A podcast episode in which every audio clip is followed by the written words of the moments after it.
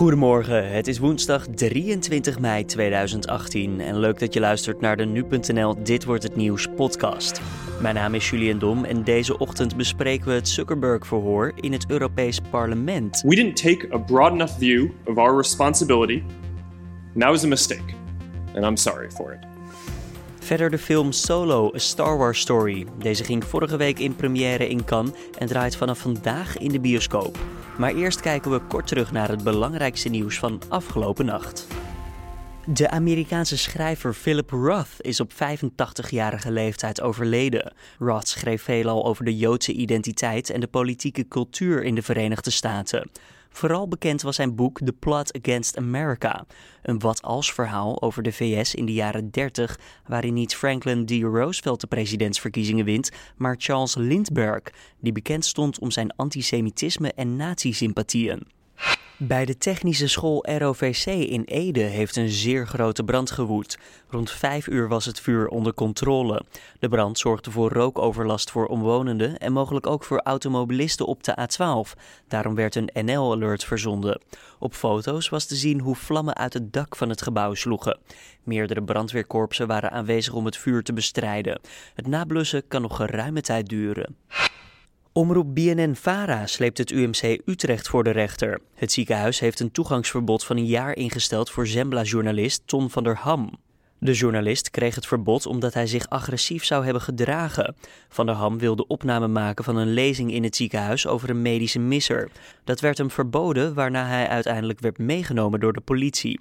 BNN-Vara had gevraagd om het verbod te schrappen omdat deze de persvrijheid belemmert. Het overleg tussen minister van Economische Zaken Erik Wiebes, de provincie Groningen, maatschappelijke organisaties en Groningse gemeenten waar aardbevingen zijn, is dinsdagavond opgeschort.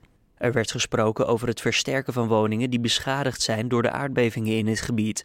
Het overleg zou zijn stuk gelopen op circa 1600 huishoudens, waarvan de regio vindt dat die direct versterkt moeten worden. Maar Wiebes wil wachten op meer onderzoek.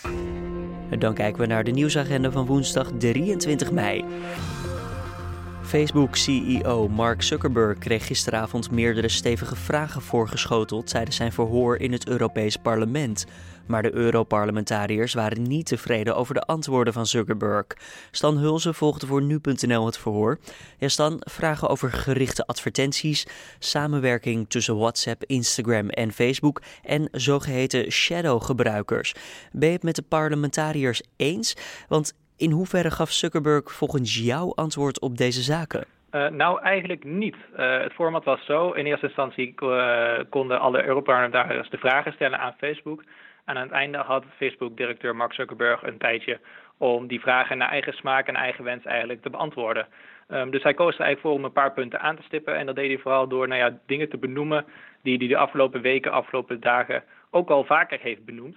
En, en nou ja, dat resulteerde uiteindelijk in dat bepaalde vragen over gerichte advertenties, datadeling en de zogenaamde shadow profielen, uh, schaduwprofielen eigenlijk van gebruikers die dus niet ingelogd zijn op Facebook, uh, maar waarvan Facebook wel data verzamelt, ja. Uh, ja, eigenlijk, niet, eigenlijk niet beantwoord werden. But if you're not a Facebook user, how do you stop that data being transferred? Um, on a security side, um, we think it's important to keep it to protect people in our community. Were there any other themes that we want to get through? I mean, there's what's um, Waarom doet hij dan zo, zo kort of zo moeilijk? Of uh, ja, waarom laat hij zo totaal niets horen hierover? Um, ik denk dat het voor hem niet, uh, dat het voor zijn imago of voor het imago van Facebook niet goed is als hij publiekelijk uh, bepaalde zaken over dit soort, dit soort dingen toegeeft. wat bijvoorbeeld met de datadeling van tussen Facebook en dochterbedrijf WhatsApp aan de hand is, is dat Facebook heel graag data van WhatsApp wil verzamelen om, om, nou ja, om daarvoor gebruikers um, uh, beter uh, gerichtere advertenties te kunnen, uh, te kunnen, te kunnen bieden. Um, moet ik wel bij zeggen dat Facebook niet inhoudelijk kan zien wat je met WhatsApp typt. Maar wel kan zeggen, nou, deze persoon praat bijvoorbeeld veel met deze persoon. En ze kunnen natuurlijk je contactlijst zien, dus kunnen zien wat voor, wat voor vrienden je hebt. Ze zien grote lijnen als het ware. Ja, ze kunnen je hele netwerk dus in elkaar in, in, in, in kaart brengen. En dat is voor Facebook natuurlijk, wat een advertentiebedrijf is, een hele waardevolle informatie. Waarom is die uh, functie ook belangrijk voor de Europarlementariërs en voor ons als gebruikers eigenlijk? Um, nou ja, wat, waar de, de Europarlementariërs op zin spelen is dat Facebook omdat het zoveel soorten data verzamelt en dus ook zoveel, nou ja, ook via bijvoorbeeld het dochterbedrijf WhatsApp zoveel data wil verzamelen, want dat doen ze nu nog niet in Europa, over het gebruik van die diensten, hebben ze natuurlijk heel veel informatie over elk individu dat Facebook of een andere dienst van Facebook, zoals WhatsApp of Instagram, gebruikt. En uh, nou ja, dat, is, dat is zo specifiek dat, dat de Europarlementariërs bang zijn dat daardoor het recht op privacy, het recht om een deel van je leven verborgen te houden voor bedrijven in het geding komt. En daarom haalden zij Zuckerberg naar, naar het uh, Europees Parlement om hierover uh, verantwoording af te komen leggen. Ja, en dat doet hij vervolgens maar minimaal uiteindelijk. Dat is jammer. Waar gaf Zuckerberg eigenlijk wel antwoord op dan gisteravond? Uh, nou, zoals ik zei, kon Zuckerberg dus naar eigen smaak antwoord geven op de vragen die, die hem gesteld werden. Um, hij ging onder andere in op de nieuwe privacywet die aanstaande vrijdag in werking treedt. Hij zei, ja, daar gaan we als Facebook aan voldoen. hij ging in over nepnieuws, over uh, politieke inmenging op het platform. The bottom line here is that nobody on Facebook or off Facebook wants fake news. Right? No one will sit here and say that they, that they, that they want the information that they see to be false. So, maar dat waren allemaal dingen die hij de afgelopen weken en dagen en maanden eigenlijk al eerder heeft verteld. En daar het kwam was niets nieuws, nieuws dus? Daar kwam niets nieuws uit inderdaad. Hij herhaalde eigenlijk wat hij, wat hij de afgelopen weken al heeft gezegd. Uh, maakte nogmaals zijn excuses ook. But it's also become clear over the last couple of years that we haven't done enough to prevent these tools from being used for harm as well. And that goes for fake news, foreign interference in elections, and developers misusing people's information. We didn't take a broad enough view of our responsibility, and that was a mistake. And I'm sorry for it. Uh, maar uh, over concrete maatregelen of concrete antwoorden op echt directe vragen die, die door de Europarlementariërs werden opgeroepen, kwam eigenlijk geen antwoord. Can I ask um, you to repeat the second question? I missed that. The second one is Will Facebook develop a mode of operation that allows end users to completely opt out of targeted advertising and what would be the conditions for them? But, but will you develop that option? Als je het verhoor moet vergelijken met die in de Amerikaanse Senaat, wat valt je dan op, zowel positief als negatief? Uh, ja, Zuckerberg werd in, uh, in april natuurlijk ook al verhoord in de Verenigde Staten over hetzelfde, uh, nou, dezelfde zaken rondom privacy, netnieuws, Russische inmerking en dat soort, dat soort zaken. Um, wat me in ieder geval hier in het Europees Parlement opvalt, was dat er in ieder geval wel een aantal wel echt gerichte en goede vragen werden, werden gesteld om nou ja, Facebook en Mark Zuckerberg uh, tot verantwoording te roepen. Nou ja, die vragen die werden uiteindelijk niet uh, heel concreet beantwoord, dus dat is, dat is uiteindelijk jammer. Uh, en nou ja, aan het einde van, van het verhoor keek Zuckerberg op de klok. Het verhoor zou rond half acht afgelopen zijn. Het was inmiddels kwart voor acht. Hij was een, een klein half uurtje bezig met zijn, met zijn op de vragen. En toen zei hij, nou, de tijd zit er volgens mij op. Ik ga ervoor zorgen dat, of ik wil, mijn, ik wil mijn reactie eigenlijk gaan, gaan afronden. Een aantal Europarlementariërs die, die lieten daar niet meer zitten en probeerden toch alsnog wat directe vragen op hem af te vuren. Maar ja, die werden eigenlijk niet concreet of niet inhoudelijk door, door Zuckerberg vervolgens beantwoord. En de voorzitter van het Europees Parlement, ja, die schoot Zuckerberg eigenlijk ook een beetje te hulp door te zeggen, ja, de tijd zit er helaas op, uh, we moeten helaas door. Um, dus wat uiteindelijk het geval is, is dat Zuckerberg wel uh, in deze setting dus, waarbij hij openlijk en publiekelijk ter, verantwoording werd geroepen, uh, wel een aantal keer wel gewoon het vuur aan de schenen werd gelegd door een aantal gerichte goede vragen waarin hij antwoord moet geven. Maar dat hij uiteindelijk op zo'n manier mee wegkomt dat hij dat eigenlijk niet publiekelijk en uh, nou ja, zeg, publiekelijk zeg maar die verantwoording hoeft, uh, hoeft af te roepen door dat gewoon mondeling toe te lichten. Uiteindelijk is er wel besloten toch dat hij schriftelijk nog antwoorden zou geven in de toekomst. Um, is er ook een tijdsbepaling daarvoor? Uh, nee, in dat verhoor in die zaal werd daar niets over gezegd. Um, inderdaad, een aantal Euro Europarlementariërs hebben gezegd dat ze in ieder geval de antwoorden die, die Zuckerberg toen niet kon geven, in ieder geval wel schriftelijk uh, beantwoord wilden zien. Uh, en uh, nou ja, de voorzitter van het Europees Parlement, die dus eigenlijk Zuckerberg net een beetje te hulp schoot door, door te zeggen dat de tijd erop zat, die vroeg ook aan Zuckerberg, vind je dat oké dat je die vragen schriftelijk gaat beantwoorden? En Zuckerberg zei, ja, dat is goed. maar wanneer die antwoorden precies komen, dat is volgens nog niet duidelijk. Stan Hulse hoorde je van onze tech-redactie. Meer weten over de onderwerpen die werden besproken tijdens dit voor? Lees dan ons uitgebreide artikel op nu.nl. De link vind je in de beschrijving van deze podcast. I got a really good feeling about this. Since when do you know how to fly? 190 years old? You look great. Push it!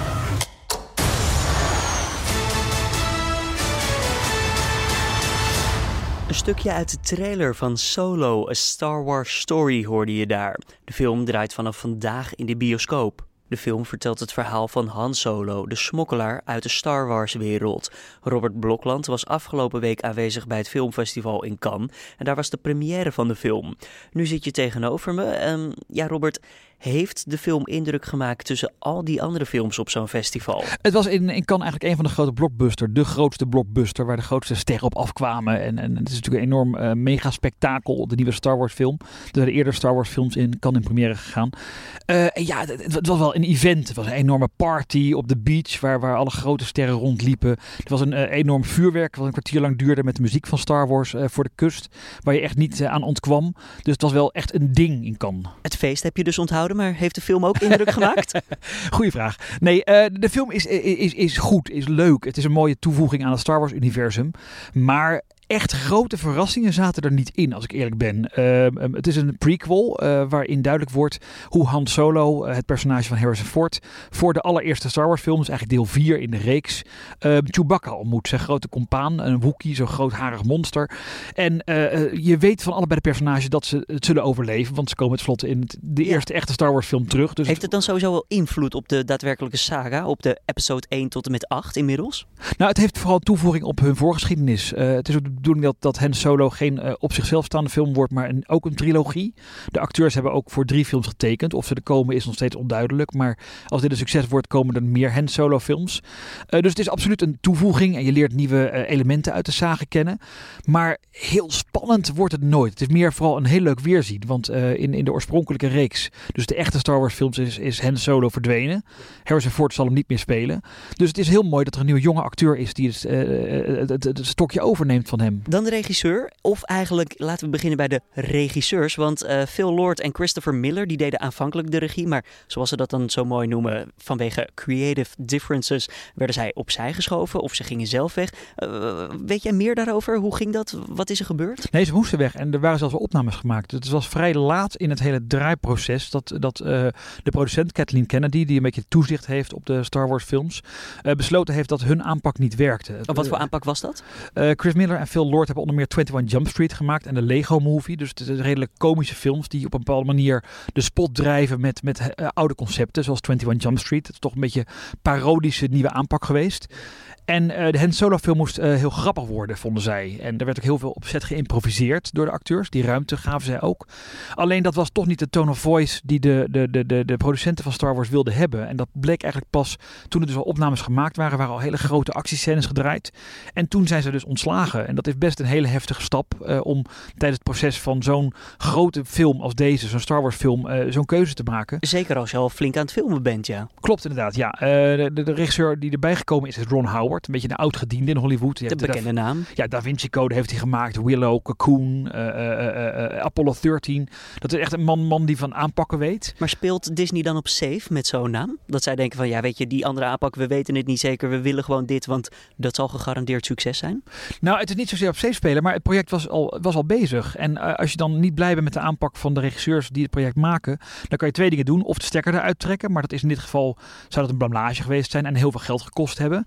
Of je kan iemand vinden die de situatie uh, onder controle weet te brengen. Uh, die, die de ervaring heeft om zo'n groot project met heel veel extra departments en heel veel speciale effecten te redden eigenlijk. En dat heeft Ron Howard gedaan. Hij had twee weken om de opnames voor te bereiden en zich in het project te verdiepen. En hij heeft als een, als een soort grootmeester heeft hij met harde hand besloten: dit gaan we doen, dit gaan we doen, dit is de nieuwe aanpak waard.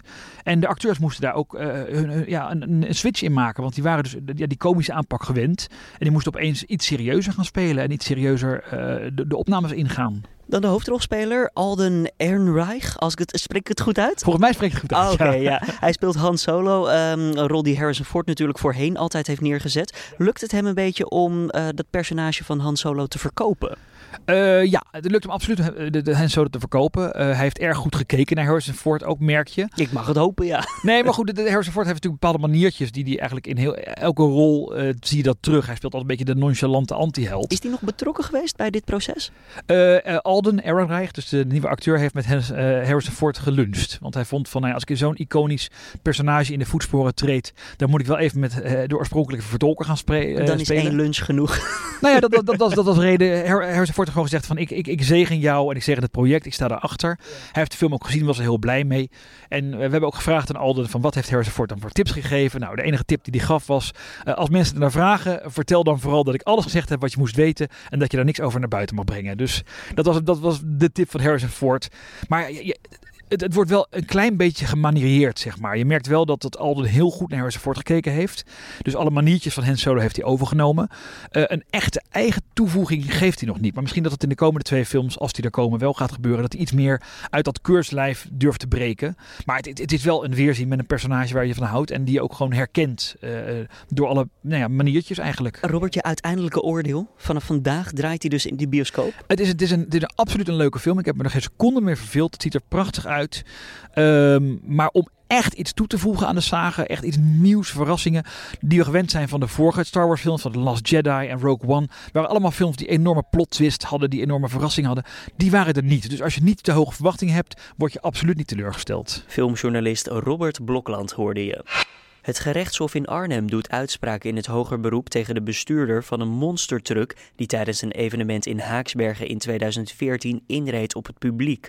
Daarbij vielen drie doden en raakten 23 mensen ernstig gewond. De bestuurder kreeg in eerste instantie 15 maanden cel, maar ging hiertegen in hoger beroep omdat hij de straf te zwaar vond.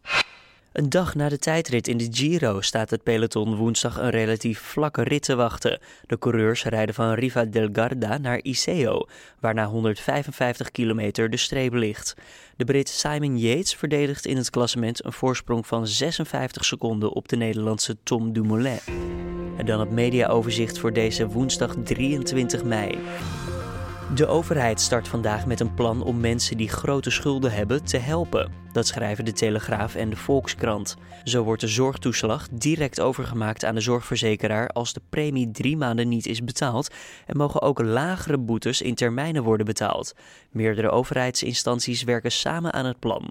Vluchtelingen moeten slimmer over het land worden verdeeld, zodat ze meer kans hebben om een baan te vinden. Dat schrijft Trouw naar aanleiding van een onderzoek van het Centraal Planbureau. Als er bij de plaatsing wordt gekeken naar wat iemand kan en waar daar werk in is, dan vinden vluchtelingen veel sneller werk, al dus het CPB. Nu wordt eigenlijk helemaal niet naar de kwaliteiten van een persoon gekeken. In het AD staat een oproep aan minister Hugo de Jonge om kinderen te waarschuwen tegen uitdagingen op het internet. Zulke challenges worden bedacht door bekende vloggers vaak en gaan dan razendsnel het internet over. Soms kunnen ze echter gevaarlijk zijn. Afgelopen zaterdag overleed een 15-jarige jongen uit Den Haag tijdens het doen van zo'n challenge. En een jaar eerder kwam al een 16-jarige jongen te overlijden na een challenge. Dan het weer voor vandaag. De dag begint bewolkt, maar in de loop van de ochtend komt de zon weer volop tevoorschijn. In de middag wordt het zo'n 23 tot 25 graden. Er ontstaan ook stapelwolken met kans op een onweersbui in het uiterste zuiden van het land. Dat gaat gepaard met een matige oostenwind. En dan nog even een klein stukje geschiedenis hier in de podcast. De enorme waardevolle lading van het Spaanse handelsschip San José is namelijk teruggevonden. Het zeilschip, bewapend met ruim 60 kanonnen, zonk drie eeuwen geleden voor de kust van Colombia. Aan boord bevond zich een lading van goud, zilver en smaragden. Volgens de New York Post had de lading een geschatte waarde van inmiddels zo'n 14 miljard euro. De San José was in juni 1708 op terugreis richting Spanje, na een handelsreis in het Caribisch gebied. Maar de Britten vielen het schip aan nabij Colombia en daarna zonk het. Het merendeel van de 600 bemanningsleden overleefde die aanval helaas niet. Dit was dan de Dit wordt het nieuws podcast van deze woensdag 23 mei. Je vindt deze podcast maandag tot en met vrijdag om 6 uur ochtends op nu.nl. Vond je het een goede podcast of heb je een andere soort van feedback? Laat het dan even weten via een recensie op iTunes of via redactie.nu.nl. Voor nu, tot morgen.